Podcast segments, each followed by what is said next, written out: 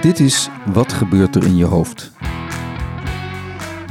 Een serie gesprekken over gedragspsychologie, gedragsverandering en hoe krijg je dat voor elkaar. Geproduceerd door SATA, Sue and the Alchemists.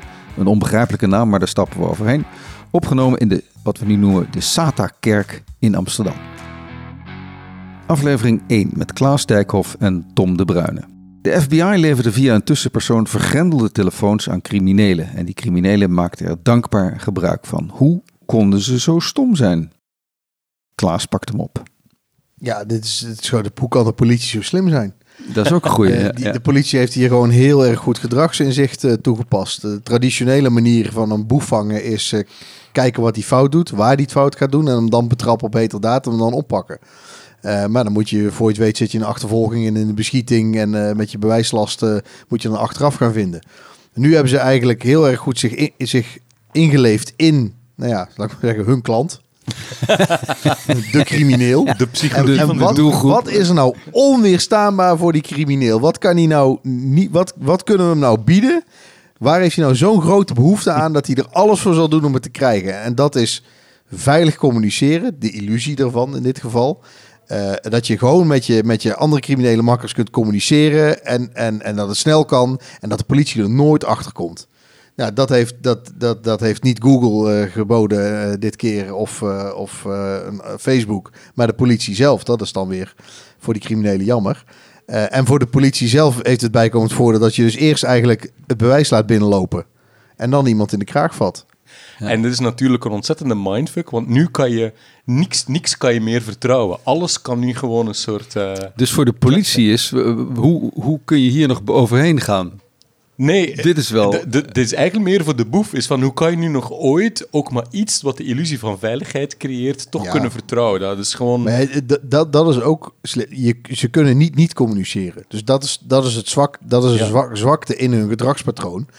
Dus als je gaat kijken in, in waar kan ik ze pakken, is dat waarschijnlijk een betere methode. Omdat dan ook nog niet de, de, de druk erop zit. Als je net een, een, een ripdeal hebt gepleegd die je bent weg aan het rennen, dan ben je op je hoede. Dan heb je je snelle auto's, dan heb je je bivakmuts op, ben je onherkenbaar. Je zult ook wel ergens een alibi geregeld hebben. Ik kijk veel van die series. Ik heb Ja, geen ja, criminele ervaring.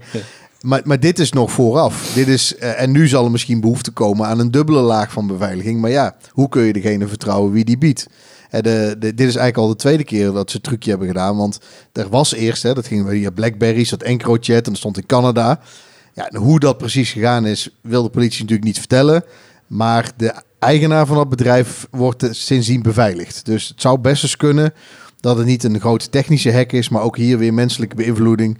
Degene die ooit rijk is geworden van die criminelen die eieren voor zijn geld kiest en toegang geeft. Nou, daarom konden ze dat niet meer gebruiken. Moesten ze naar een nog verder beveiligde chatfunctie. Ja, die de politie dus kennelijk eh, opgezet had.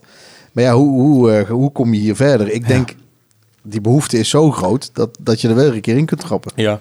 En dat, dat, dat, is, dat is eigenlijk het mooie. Het is een beetje psychological warfare in plaats van Ja. ah, gekoppeld aan technological warfare. Dus wij hebben ooit een, ehm, een, eh, een site gemaakt voor, eh, voor VWS, het ministerie van VWS. Eh, en dat was eigenlijk dat als doel om, eh, om tot leven te brengen eh, dat ik het bestellen van, of je, het je oplichten met counterfeit medicijnen, dus met nep Viagra, nep kalmeringspillen, ja, dat het eigenlijk heel simpel was. En mensen zeiden zelf van, ja, ja, ik zie echt wel het verschil tussen een nep-site of niet. Dus wij hadden een site gebouwd, Mediplaza heette die, en die zit echt helemaal boordevol met van die beïnvloedingsprincipes. En inderdaad, het uitgangspunt was van, de behoefte om die spullen te hebben is zo groot dat als je ook maar even die, ehm, het, het, de belofte van de bevrediging van die behoefte wat gaat, gaat gaan opladen, gaan opvoeren, dus met schaarste, met nu loopt deze deal af, met sociaal bewijs. En wat we, wat we gedaan hadden is, ehm, is wat dus eerst ons designs wat getest met potentiële kopers. En die zeiden van, als ik zo'n site eh, tegenkom, het eerste wat ik ga doen is even kijken eh, of het echt is, door te kijken of het adres daadwerkelijk eh, bestaat.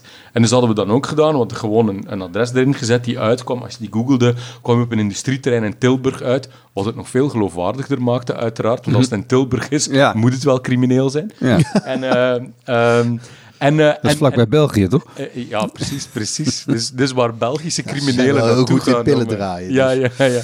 En, eh, en dat, dat werkte als een trein. En dus pas van zodra ze gingen bestellen, kwam ineens duidelijk van, hey, kijk, zo makkelijk is om je te manipuleren. Maar dus onze voorzichtigheid neemt omgekeerd even, is omgekeerd evenredig aan, eh, aan onze hebberigheid. Ja. Oftewel, hoe liever we iets willen, Ja, dan worden, dus wij worden moeten we ons ons blind. daarmee ja. kunnen we onszelf wapenen. Ja, en zelfoverschatting is een ander groot, eh, Ja. groot issue. Dus die criminelen, want, als ik zeg ze zullen straks weer dit zo graag willen dat ze risico's nemen en de risico's anders inschatten. Maar het is ook een andere ze. Want er worden er nu een hoop opgepakt en dan komt dan weer een nieuwe generatie, vult het, vult het dan weer in. En net zoals dat 80% van de automobilisten vindt dat ze bovengemiddeld goede chauffeurs zijn, wat getalsmatig natuurlijk niet kan, eh, krijg je dadelijk ook weer dat, dat er mensen altijd zelf overschatten eh, hoe eh, waakzaam ze zijn en hoe, hoe dat voor hen zelf het risico kleiner is dan voor een ander. Ik probeer te bedenken waar ik dat zelf heb meegemaakt. En Ik zit te denken aan reclames voor afvallen. En dat, is, dat is iets dat mensen dolgraag willen. En waar volgens mij heel vaak misbruik is gemaakt van de gretigheid Ja, van het publiek. ja. Ja, zeker. De, de, je kan het altijd tot de zeven hoofdzondes terugbrengen. Dus eh, Oh, elk goed businessmodel ter wereld bedient een van de zeven hoofdzondes. Eh, Werkt dat eens uit? Nou ja, de, de belofte naar instant rijkdom worden we heel hebberig van. De belofte naar schoonheid, de belofte, of dus ijdelheid. De belofte van eh, eh, succes, sociaal aanzien. Ehm, eh, al, deze al producten en diensten die ofwel succes, schoonheid, eh, eh, aantrekkelijkheid enzovoort beloven, ja, dat, dat, gaan onze hersenen gewoon, die, die proberen dan het soort rationele gedeelte uit te sluiten. En die gaan, je, je hersenen gaan jezelf vervolgens goed praten dat al die shortcuts die er zijn, die je aan je aangeboden worden, die moeten wel waar zijn. En dus eindigen we inderdaad met van die trilplaten op onze buik. Ja. Ja, ja. ja, ik zit er nog in, in te bedenken, maar die, misschien moeten we eens op kou een ander, of die er wel in die zeven past. Maar de, bij, eh, als je net, net vader of moeder wordt, de angst dat er iets met je baby gebeurt. Oh ja, Dan worden ook de meest debiele producten, ik heb Ja. er zelf ook vast een hoop van gekocht, die worden die aangesmeerd met, eh, ja, het is wel je kind, hè? Dus, eh, en dan weer, een nieuw, weer, een, een- weer iets nieuws bedenken waarop wat, elke, alle premium features worden verkocht. Zelfs Volvo's worden verkocht op die angst. Ja. Ja, we moeten met ons kindjes straks op straat. Nu moet ik wel een Volvo. Dat is Oké. pure heroïne. Dit was een aflevering van Wat gebeurt er in je hoofd? Geproduceerd door Sue and the Alchemists, oftewel SATA. Opgenomen in Amsterdam op het kantoor van SATA, dat nu al de bijnaam de SATA-kerk heeft gekregen.